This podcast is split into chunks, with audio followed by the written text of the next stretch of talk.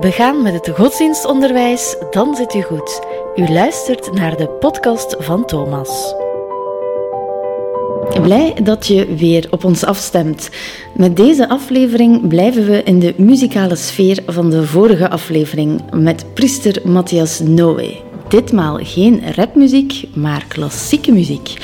Want ondertussen liggen de lijstjes en de verschillende ranglijsten van het jaar 2023 al lang achter ons en zo ook de Clara Top 100. Kerknet verscheen een tekst waarin stond dat in de Clara Top 100 één op vier composities religieus is. Kunnen we dan stellen dat er misschien een heropflakkering is van religieuze thema's of is deze trend eerder atypisch?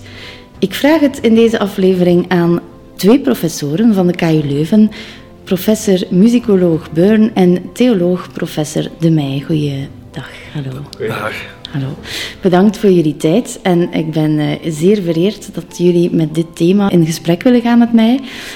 Eerst en vooral, moet je een goede religieuze vorming hebben om de stukken, dus één op vier stukken die in de Clara op 100 staan, goed te kunnen begrijpen en beleven? Ja, je, je zou eigenlijk uh, een dubbele vraag kunnen stellen. Moet je een goede religieuze vorming hebben of moet je een, een goede muzikologische vorming hebben? Ja.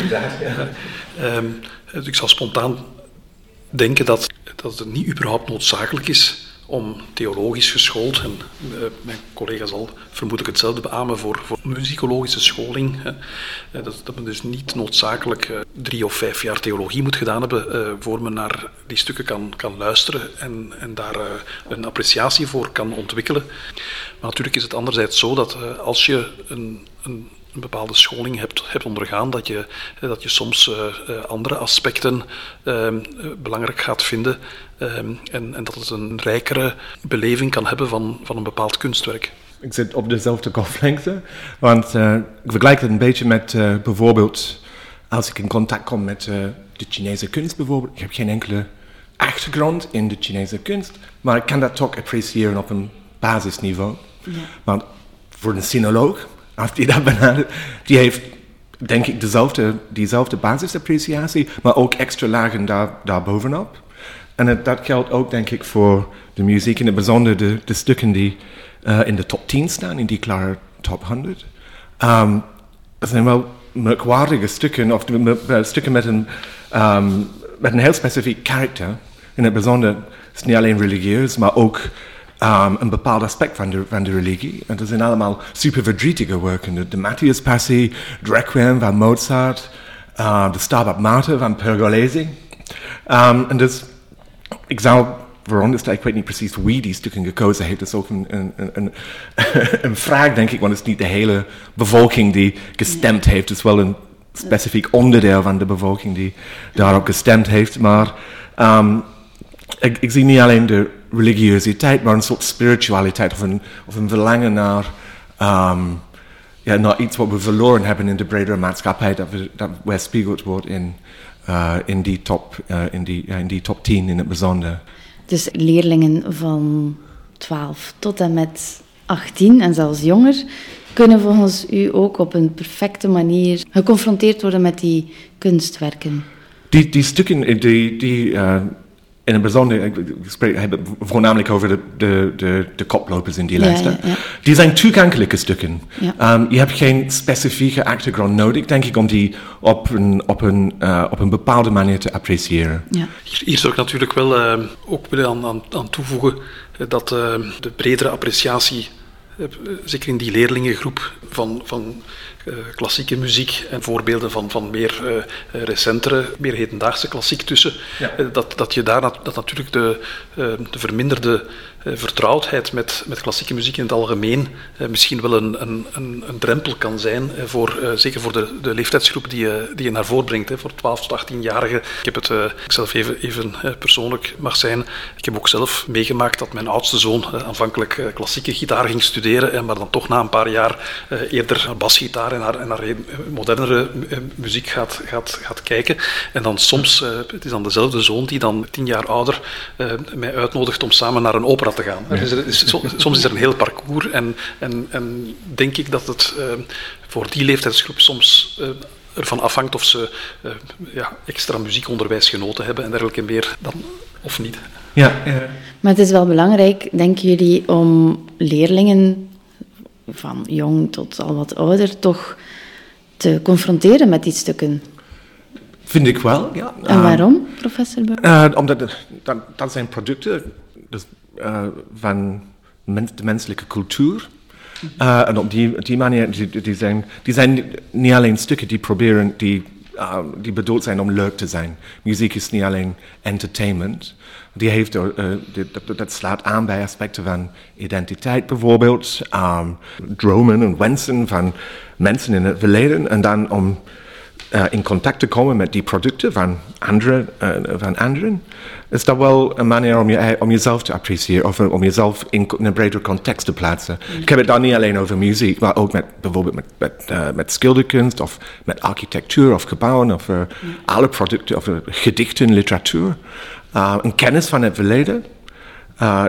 vind ik persoonlijk, ik ben muziekhistoricus voornamelijk, ik vind dat belangrijk en ik doe dat om, omdat ik um, een interesse heb in hoe mensen in het verleden gereageerd hebben op uh, de, uh, de, ja, de maatschappij of de omstandigheden waarmee ze geconfronteerd worden. Denkt u dat theologische concepten kunnen worden uitgedrukt of verkend door klassieke muziek? Ja, absoluut. Volgens mij zouden, zouden hier eigenlijk een aantal hedendaagse uh, kunstwerken bijzonder uh, interessant kunnen, kunnen zijn. Ik, ik, heb zelf bijvoorbeeld meer gereflecteerd in, in het verleden over uh, befaamde War Requiem van Benjamin Britten. Mm -hmm. En dat vind ik bijvoorbeeld een, een zeer interessant stuk, omdat daar gekozen werd voor een confrontatie tussen meer traditionele uh, inhouden van een Gregoriaans requiem en daarnaast hoogtepunten uit de literatuur van grote Britse dichter Wilfred Owen, ja. um, dus die, uh, die omgekomen is als soldaat tijdens de Eerste Wereldoorlog. En dus de confrontatie van, van die twee, van traditie en, zou ik kunnen zeggen, interpretatie, laat mogelijk om over grote thema's als, als hoop, zelfs bijvoorbeeld als eeuwig leven, uh, maar ook zelfs bijvoorbeeld een, een, een, concept als God en het lijden, wat wordt klassiek theologisch de Theodicee-vraag wordt genoemd, kan, kan je eigenlijk het bestaan van God rechtvaardigen in het licht van, van vreed lijden dat, dat mensen overkomt. Dat is, dat is iets wat, wat eigenlijk uh, heel sterk naar voren komt, voor mij dan toch in een van de onderdelen van dat Warrequiem, met name het offertorium uh, waar eigenlijk het, Bijbelse verhaal van het offer van Abraham helemaal wordt, wordt hertaald en, en, herverteld. Het gaat hier om een omkering. In het gedicht van Wilfred Owen uh, wordt Isaac geslachtofferd door, door zijn vader en hoort hij een goddelijke stem die dan zegt van Behold, a ram caught in a ticket by its horns offered the ram of pride instead of him.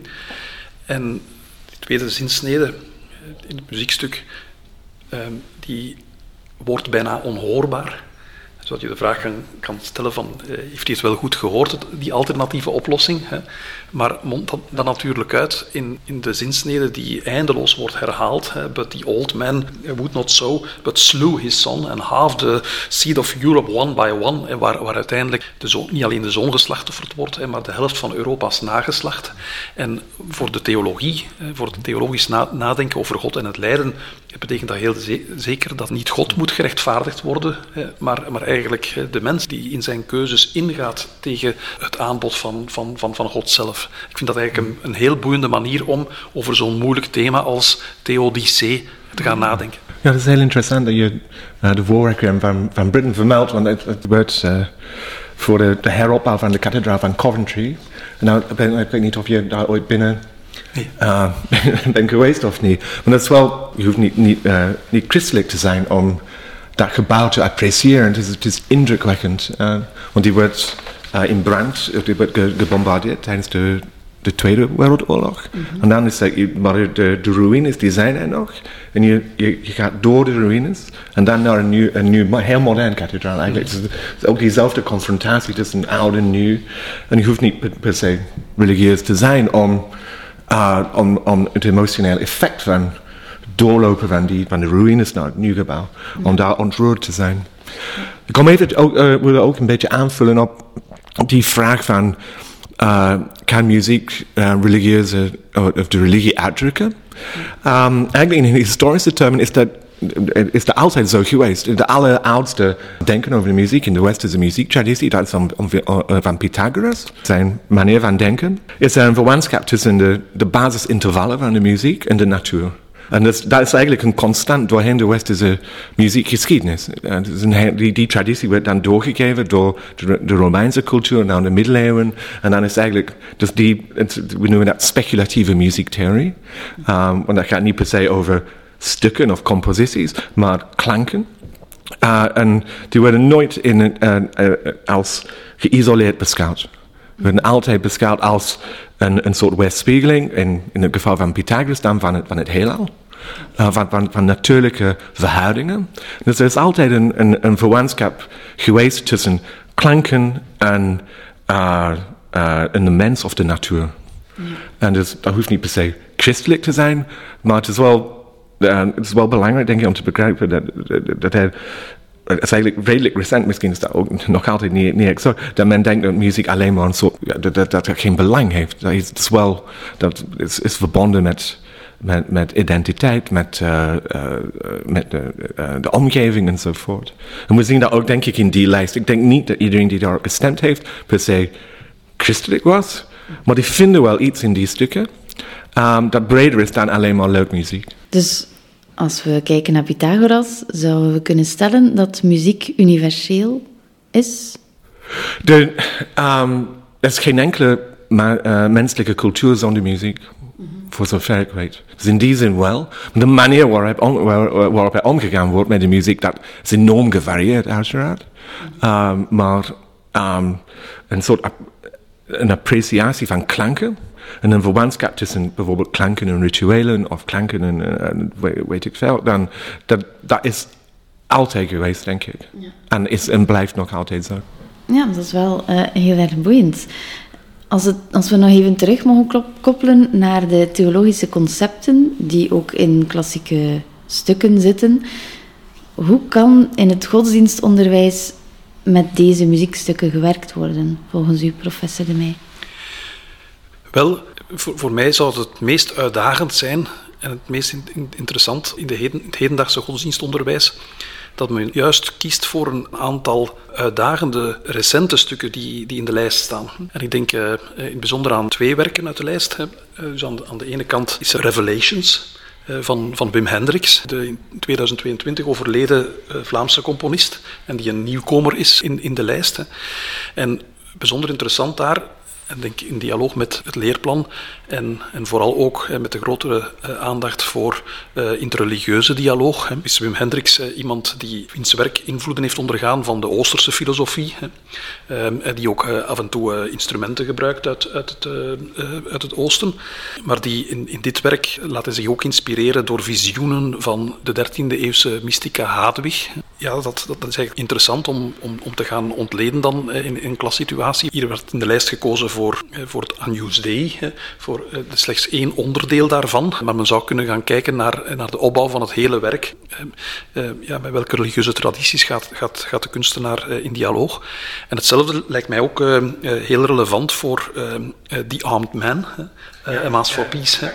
Ja, van, van, van, van Carl Jenkins, dat is een componist uit, uit Wales, die dit jaar 80 wordt. Hè. Gebaseerd op dat middeleeuws soldatenliedje, L'Homme mee. Hè. maar ehm, Ehm, eh, waarin eigenlijk uh, een beetje vergelijkbaar met, het Warwick van Benjamin Britten, eh, waar, waar hij eigenlijk Gregoriaanse misdelen laat afwisselen met teksten en gebeden uit de hele wereld. Zowel een, een, islamitische oproep tot gebed, ehm, teksten uit het hindoeïsme. En hier heeft men gekozen, een onderdeel voorgesteld, het Benedictus. Um, vind ik zelfs vrij merkwaardig. Het is een traagstuk um, van zeven minuten, waarvan de eerste vier louter instrumenteel zijn. En dan wordt uh, weer, de tekst van het Benedictus. Voor mij is niet noodzakelijk Benedictus het sterkste onderdeel, maar, maar eerder een aantal andere stukken uh, uit die Amen, uh, waarin, waarin precies ja, de hele rijke, het hele rijke gamma van, van, van, van, van sterke literatuur, waarin wordt nagedacht over, over vrede en oorlog. Want de kunstenaar heeft, heeft, heeft bewust eigenlijk ja, in, in, in het jaar 2000 dit kunstwerk geschreven ter herinnering aan de slachtoffers uit de Kosovo-oorlogen. En, en, dit is, ja, daar, daar, zitten een aantal ongelooflijk sterke stukken bij die, die de moeite waard zijn om, om, om over na te denken. Hè. bijvoorbeeld stukken als The Guns Have Stopped. Hè ja, het slotdeel, better is peace, met een algemene zedenles, better is peace than ever more war. Dat is de enige lijn die door de kunstenaar zelf is geschreven. Ehm, maar ook een, een vers wordt daaraan toegevoegd uit het voorlaatste hoofdstuk van het allerlaatste boek uit de Bijbel, Openbaring. En hij zal alle tranen van hun ogen afwissen en de dood zal niet meer zijn. Geen rouw, geen geween, geen smart zal er zijn, want het oude is voorbij. Ehm, dus uh, uiteindelijk is, eh, is het een voortdurende afwisseling van, van sterke lijnen uit de traditie die, die over oorlog en vrede het hebben eh, en, en commentaarstukken uit alle mogelijke tradities. Ik zie hier inderdaad kansen voor ELD. Het lijkt me niet zo evident om in een klas binnen te komen met een klassiek werk. En zeker dat ook niet. Maar mochten er leerkrachten zijn die daar wel ervaring mee hebben, Contacteer ons gerust op um, thomas.kuleuven.be en misschien kunnen we wel iets uitwerken. Um, professor Bird, heb jij nog ideeën? Hoe kunnen we een stuk binnenbrengen in een klas, laten we zeggen, 14, 15-jarigen? In zekere zin is dezelfde uitdaging gewoon ook voor, voor muzikanten of muzikologen. Dus, um, um, mijn expertise is muziek voornamelijk van de 15e, 16e eeuw. En je ziet dat ook in die lijst bijvoorbeeld. Is heel weinig heel oude muziek die daarin staat. Dan denk ik in tweetal stukken. Niet meer dan dat. Het is iets van Josquin, denk ik, en iets van Hildegard van Bingen. Um, die dan Hildegard, dat was een, ja, een vrouwelijke componist uit, uit de 12e eeuw. Uh, ik heb een, een, een, uh, een, collega die verantwoordelijk is voor concertorganisatie. En hij zegt altijd: er zijn twee mensen die, um, als je die op, op het programma zet, ga je een vol huis krijgen. En dat is Arvo Pärt, nummer twee in die lijst. En Hildegard van Bingen. Ja, en Hildegard dat is eigenlijk iemand, je moet een enorm grote een theologische achtergrond hebben om um, de teksten van Hildegard te begrijpen. En ook een, een, een enorm grote historische kennis hebben om de context te begrijpen waarin zij Um, niet alleen haar muziek, maar ook alle haar andere boeken, teksten, uh, gedichten enzovoort geschreven heeft. Maar de muziek blijft toegankelijk, toch? Ja, dus dat zijn zo de twee grote namen die wel toegankelijk zijn. Ja, ja. ja. Um, maar, maar voor, voor de rest um, denk ik gewoon muziek begrijpen. Dat is een uitdaging. En, en het is, uh, niet, niet, alleen om. En, maar de, theologische context is een onderdeel van muziek begrijpen voor, vanuit mijn standpunt althans. Dus, uh, uh, en, en, ik denk uh, om, om leerlingen van 14, 15 jaar oud warm te maken voor die stukken, die moeten eerst luisteren met een open geest. En dan um, moeten ze dan uitleg krijgen voor over waar, waarom die, die stukken zijn zoals die zijn. En dat, uh, dat werkt op verschillende niveaus. Um, er is een, een, een niveau van betekenis. Dus de teksten, um, wat de, de componist willen uitdrukken. Het is ook een kwestie van maatschappelijke context bijvoorbeeld. Um, dus de omstandigheden waarin die, gecomponeerd, uh, die stukken gecomponeerd hebben. Er is ook een soort intellectuele context. En uh, dus de, de ideeën die daarin zitten. Er is ook een muzikale context. Muzika, muziek is een soort taal. Uh, en je moet, je moet die. Um, je kan ergens beginnen, maar gewoon om de, de, de structuur van die werken te begrijpen, um, heb je een uh, gids nodig of hulp nodig om dat te doen. Ja. Um, je hebt ook kennis van um, een brede wire aanstukken nodig. Dat is hetzelfde als je een taal wil aanleren. Je kan dat niet uh, op basis van één artikel in de krant doen. Hè? Je moet die ervaren, je moet dan kennis opbouwen enzovoort. En uh, dat is vanuit mijn standpunt, ik wil dat de maatschappij een brede muzikale vorming heeft, um, maar dat, dat, dat neemt tijd in beslag om dat te doen. Ja. En je moet eigenlijk, uh, bijzonder als je expert wil worden, dan moet je daarop focussen. En bijten en niet meer loslaten. Ja, ja. Maar ik denk dat we zeker al geholpen zijn met die categorieën die je daar voorstelde.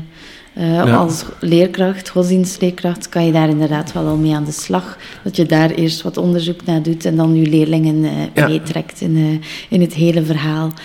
Nu, nu ik toch een muzikoloog aan tafel zitten heb, is, ja, en er is ondertussen ook, er zijn werken buiten, daar kunnen we niet aan, aan doen, dus sorry luisteraar.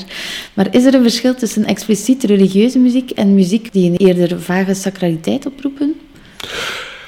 Um, er is een heel grote overlapping, vind ik. En ik denk dat het voornamelijk dat aspect van spiritualiteit, of uh, een soort vage spiritualiteit, um, um, die verantwoordelijk is voor de keuzes van die lijst. Um, je ziet allebei op, op, op, plaats 1 en 2. Dus plaats 1, de Matthias-passie. Er zijn weinig werken die meer heel specifiek religieus zijn dan dat. Die vertellen één specifieke verhaal en die doet dat op een dramatische manier. Het is een kwestie van interpretatie uiteraard. Maar om dat werk te begrijpen moet je, moet je weten wie Jezus is en wat, wat, de passie, wat het passieverhaal is. Mm -hmm. um, uh, op, in, in, de tweede plaats, dat stuk van Arvo Pärt is niet expliciet religieus, niet expliciet religieus, maar al de muziek van Arvo Pärt heeft een soort spiritualiteit, dat zit erin. Um, en heeft, dat expliciet gedaan. Um, um, ja, hij heeft geprobeerd om een soort muzikale taal te ontwikkelen, die een soort objectieve sacraliteit heeft, ongeacht hoe je dat begrijpt. En dus ik vond dat het eigenlijk dat die twee stukken op de eerste en de tweede plaats staan, dan zie je eigenlijk een beetje van allebei. Wil iets toevoegen? Die discussie die, die is al ouder dan, dan vandaag de dag hè, ja. eh, rond uh, expliciete religiositeit en dan wel een bredere betekenis oproepen. En ik dacht spontaan ook aan, aan Deutsche Requiem van Brahms, dat, dat, er ook in zit in, in, ja. in, in de lijst. En, en waar, waar vermoedelijk Brahms zelf zo zeggen toch vele commentatoren, eerder gekozen heeft, niet noodzakelijk voor lijnen uit de Bijbel die, die heel specifiek naar um, naar, naar, naar, naar Jezus of de geest verwijzen, maar, maar juist troost willen bieden aan mensen bij, bij lijdenssituaties en eerder dus algemeen menselijk zijn, zoals uh, zijn Duits requiem hier niet noodzakelijk naar uh, specifiek Duitsland verwijst, maar naar, naar, naar uh, het moet de, de, hele natie kunnen, uh, kunnen troosten en, en, en, en, appreciëren. Het kan waarschijnlijk ook zijn dat een nummer die totaal geen religieuze of sacrale bedoeling had, toch sacraal kon overkomen? Of vinden jullie dat not done? Merendeel van die stukken zijn ook vocale werken. Dus het is ook voor muzikologen een uitdaging om de tekst apart te houden, of een, de, de, de, de tekst te onderscheiden van de noten. Hè? Um, ik denk, een klank kan niet per se, daar kan eigenlijk, eigenlijk heel weinig uitdrukken. Hè? Um, dus de combinatie van, van klank en tekst, een woord, woordelijke ideeën die daar die daarin zitten. En als je die combineert, dan kan je de tekst extra krak bijzetten. Muziek kan in zekere zin ook zijn eigen taal spreken. Dat, dat kan. Maar ik denk niet dat, je um, heel, concrete ideeën. um, uh, of dat, dat, dat uh, muziek uh, geen heel concrete ideeën zo kan overbrengen. Maar kan wel een emotioneel effect hebben, bijvoorbeeld, of iets wat, wat je kan ontroeren. Um, en dus in die zin. Um, als muziek religieus is, is, denk ik dat zit voornamelijk in die combinatie van specifieke woorden met specifieke uh, klankeffecten. Mij, mij het in, deze ook op dat ik had ook dat artikel op, op Kerknet gelezen, waar iemand dus eigenlijk concludeert dat er uh, 25 religieuze nummers in zitten. Hè. Maar ik dacht bijvoorbeeld ook nog in de, de, totale lijst aan, aan, een, louter instrumenteel werk, het Kolonie Dree van Max Broeg, ja. waar inderdaad geen, geen gebruik wordt gemaakt van teksten, maar, maar waar je toch heel duidelijk een inspiratie hebt uit de Joodse traditie. Hoewel dat, dat Max Broeg zelf eerder een, een protestant was, maar, maar, maar zich daardoor liet, liet inspireren.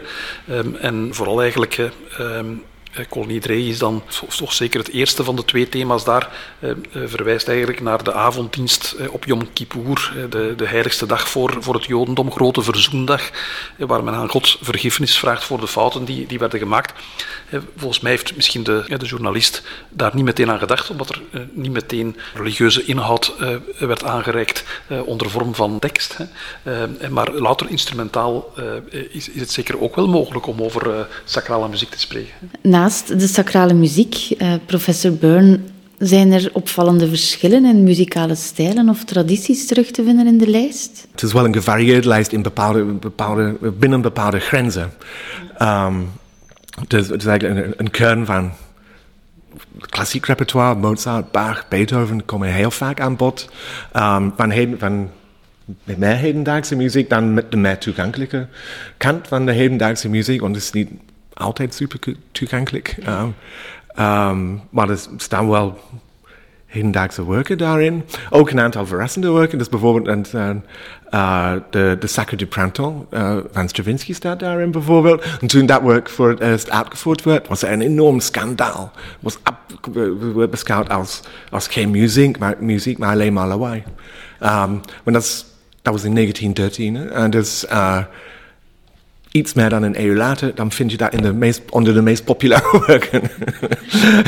dus misschien ook um, is, is, Disney daar verantwoordelijk voor met Fantasia misschien, maar dat, wel, dat, dat, vertelt je ook iets over veranderen, soort veranderende muzikale smaken.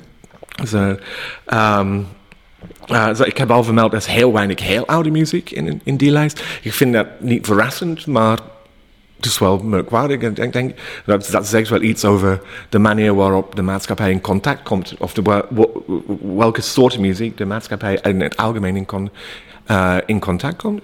En dat is um, niks, niet veel meer, uh, misschien vanaf 1600 of zo. Um, er is een stuk, stuk van Monteverdi, denk ik, die, die in die lijst staat. De Vespers en uh, iets uit de Vespers. Um, niet zo enorm veel uit um, uit de 17e eeuw, dan van de 18e tot vroege 20e eeuw wel heel wat. En dan iets van later. Um, er is ook uh, een klein aantal vrouwelijke componisten, niet veel. Hildegard van Bingen heb ik al vermeld. Florence Price staat daarin.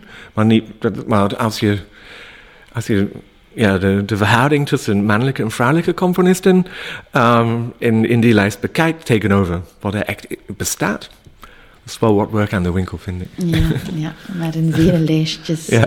dat. Uh, maar goed, we hebben het al gehad over sacraliteit, maar ook veel over emotie, omdat klassieke muziek uh, raakt. Welke stukken ontroeren u uh, het meest, zowel als muzikoloog als, als, of als theoloog? Het is moeilijk om een keuze te maken, hè, maar uh, ja, mijn, mijn keuze zou toch, of, of loopt een stuk parallel met, uh, met die van de, van de, van de Clara-luisteraar, die, die toch gekozen heeft voor muziek die kan troosten in, in het licht van situaties van, van, van lijden en, en verdriet. Je hebt, je hebt bijvoorbeeld twee zettingen van overbekende van, van, van het stuk Pie Jezu uit, uit het Requiem. Zowel van een stuk van, van Weber zit erin op plaats 60 en van, van Fauré op plaats 94 van het Requiem. Maar uiteindelijk zou ik willen toch En eh, misschien een stukje in aansluiting bij eh, mijn collega Beun, bij wat hij gezegd heeft over eh, de relatief beperkte aandacht voor, voor oudere muziek. Hè. Ehm, zou, zou ik willen kiezen voor een van de van de twee versies van het Stabat Mater die erin staan. De bekendere versie is zeker die van Pergolesi, maar ik wil toch kiezen voor die van Josquin de Pré, dus uit, uit 1480. Dat men voor zo'n Stabat Mater gekozen heeft, vind ik eigenlijk wel, wel logisch. Er, is, er bestaat bijvoorbeeld een website, je zal die ook wel kennen, die Ultimate Stabat Mater website, A Musical Journey Throughout the Ages. Waar er zijn dus fans van het Stabat Mater natuurlijk. Ehm, ik kies er eigenlijk voor, omdat ik het, eh, het stuk zelf een aantal keer heb mogen zingen. Er is een heel bekende uitdrukking natuurlijk, zingen is tweemaal bidden, die verkeerdelijk aan Augustinus wordt, uh, wordt, wordt toegeschreven. Uh, maar zelf een, een, werk mogen zingen of uitvoeren, maakt dat je, dat je er op een andere manier van kan, van kan houden Hè. Dan nog vind ik, vind ik ook de, de, de tekst zelf van het Stabat Mater wel, wel, wel heel sterk en heel sterk uh, existentieel aansprekend. Hè. Uh, bijvoorbeeld, uh, je leeft met Maria mee, die, die zingt Fac ut portem Christi mortem, hè, maak dat ik de dood van Christus draag. Hè.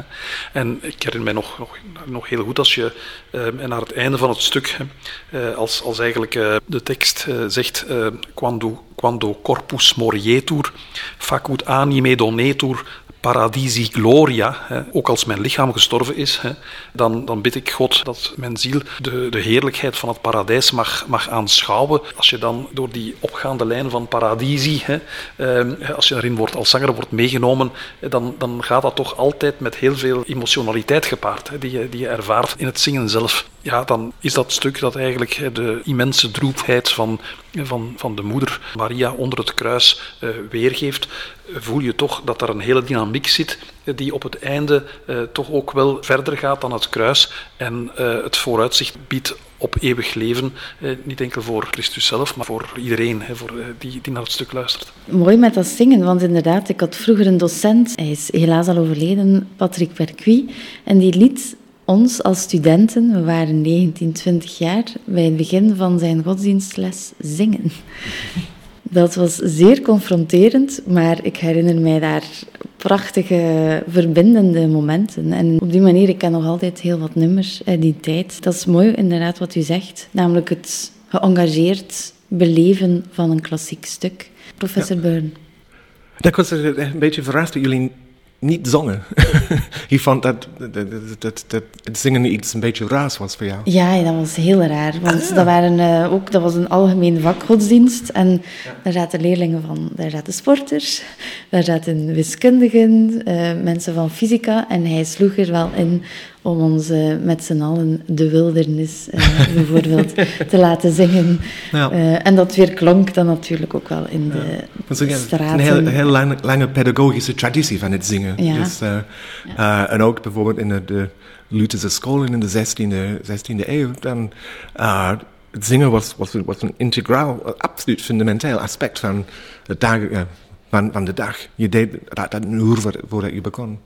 Ja. en dus is ook een, een heel mooie manier, denk ik, om, uh, uh, om werken zoals dit, of om een even welke muzikale werken, uh, om dat te begrijpen, om zelf muziek maken. Ja. Want zingen, iedereen kan dat.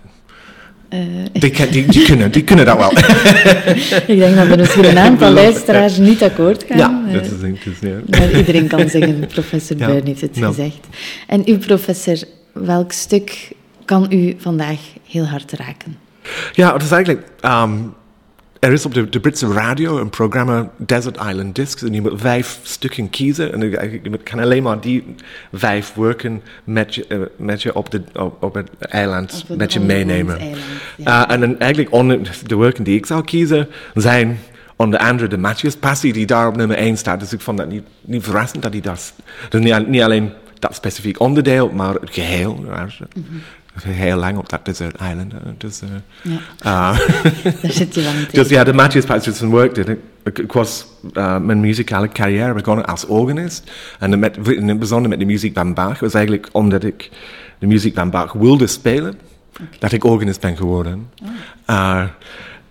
en, dus, dus, ja, en, en dan heb ik dan mijn kennis van zijn muziek dan verder uitgebreid. Dus dan zijn vocale muziek en dan de andere tijgenoten en zo. ja. zo gaat het door. Maar dat, dat werk dat betekent enorm veel voor mij. Niet voor religieuze redenen, maar het is wel prachtig werk van begin tot einde. De, de, de, de, de hele wire aan emoties die aan bod komen, de muzikale technieken. Ik heb dat werk ook gespeeld. Dus het is een orgelpartij, de continue partij. Okay. Um, ik heb dat dan ene keer gedaan. En dat, dus, dat betekent voor mij persoonlijk enorm veel. Dus ik zou dat kiezen. Um, want daar, daarnaast misschien ook een paar van de andere werken van Bach die een beetje vrolijker zijn. Uh, dus die, die top 10 in de, in de lijst is wel, denk ik, ja. nogal droevig. Ja, ja, droevig, ja, inderdaad. Ja. Um, er zijn andere werken op die lijst uh, die een beetje vrolijker zijn. Dus bijvoorbeeld het begin van het Weihnachtsoratorium staat daarin bijvoorbeeld. Uh, het begin van het Magnificat. Mm -hmm. En die zijn gewoon enorme uitdrukkingen van vreugde. Ja. Ik vind die ook prachtig. Ja. Um, kom ook even, even terug op jouw vraag. Van wat, als er andere werken, werken die in, in, de lijst niet staan, die ik in de lijst zou plaatsen, is ook nog een werk van Bach, de Miss in C klein, die staat daar niet in. Dat is, een van, dat is ook een, een andere uh, werk die ik op mijn eiland zou, zou meenemen. Ja, en misschien ook de, de, de operas van Mozart, die staan daar ook niet in. Um, het zijn enkele concerti, denk ik, religieuze werken van Mozart, maar de operas Don Giovanni en Così fan tutte en uh, Nozze di Figaro en het uh, dan zit ik op vijf, dan is ja. mijn eiland vol. Ja, maar blijf nog maar even bij ons. Ja. Oké, okay, heel erg bedankt voor inderdaad die droefheid die daar zo uitkomt in de eerste tien nummers. Uh, ik denk dat dat ook een drempel kan zijn voor leerlingen. Van, uh, dat maakt het direct ook heel erg beladen en ja, ja. serieus. En ik denk met een vrolijk stuk, welk stuk, welk vrolijk stuk zou een, een hoopvol stuk zou misschien ook wel ingang kunnen vinden in uh, het godsdienstonderwijs. Die twee werken van Bach die ik dan vermeld heb, ja. is het, het, het, uh, het, het Weihnachtsoratorium, dus het kerstoratorium. Ja. Um, uh, het begin is uh, het vrolijke, dus laten we vreugdevol zijn. Um, uh, dat, ja, met trompetten en uh, timpani en zo. En is wel is het meest prachtig, vind ik. Uh, en ook het begin van Magnificat. Um, dus Magnificat Anima Me. Dus ik zou ook voor zoiets kiezen. Uh, want het is wel religie, religie, religie is, ook, is niet alleen droevig. Hè? Nee, um, klopt, inderdaad. Ja. Maar professor De Meij, ik zie dat u nog een krantenartikel hier liggen hebt op tafel. Moeten we daar nog iets uh, over wil je daar nog iets over Ja, nee, maar, het, is, het, is, het, is, eerder dat die lijst is natuurlijk een... Als je gaat kijken naar de lijstjes van, van de voorbije jaren, dan, dan zit daar eigenlijk relatief weinig uh, variatie op. Hè. Ja. Uh, in, die, in die eerste top 5 het ook wel uh, aangeeft dat de luisteraars waarschijnlijk gaan terugkijken naar hoe heeft men de vorige jaren gestemd. Hè. En, en dus soms zit daar een kleine variatie op, vaak ook niet. Als je gaat kijken, dus in het verleden stonden bijvoorbeeld ook de Enigma-variaties van van, van, van hoger hè, ja. dan, dan nu. En in de standaard was er net, voor de stemming bekend werd, was er eigenlijk een journalist die eigenlijk zelf zijn eigen suggestie gaf onder de mooie kop van Clara's top 100 mag verder kijken dan Pert en Bach. en, die, en die eigenlijk zelf bijvoorbeeld verwees naar, naar een recente opname door het Huelgas Ensemble van het Requiem van, van de Bonnefond. Hè. Dus helemaal niet bekend, maar ook een, een bekroonde opname natuurlijk. Dus dat er nog heel veel meer muziek is die het moeite waard is om, om, om eigenlijk verder verkend te worden. Maar dat luisteraars misschien gemakkelijk terugvallen op, het, op hetgeen men uh, kent en, en wat men de voorbije jaren heeft verkozen. Ja, ik zeg ook, die lijst, dus als muzikoloog of als ik muziekleraar was, zou ik die lijst niet alleen gebruiken als een soort kernrepertoire, maar in, in, in tegendeel, maar als, als een startpunt. Want er zijn bijvoorbeeld, zoals jij dan hebt vermeld hebt, enorm veel zettingen van de Stabat Mater bijvoorbeeld. De Requiem staat ook in die lijst. Er zijn honderden, duizenden requiems die je dan kan, uh, ja. vanuit dat startpunt dan eigenlijk enorm, enorm breder gaan. Maar je moet ergens beginnen.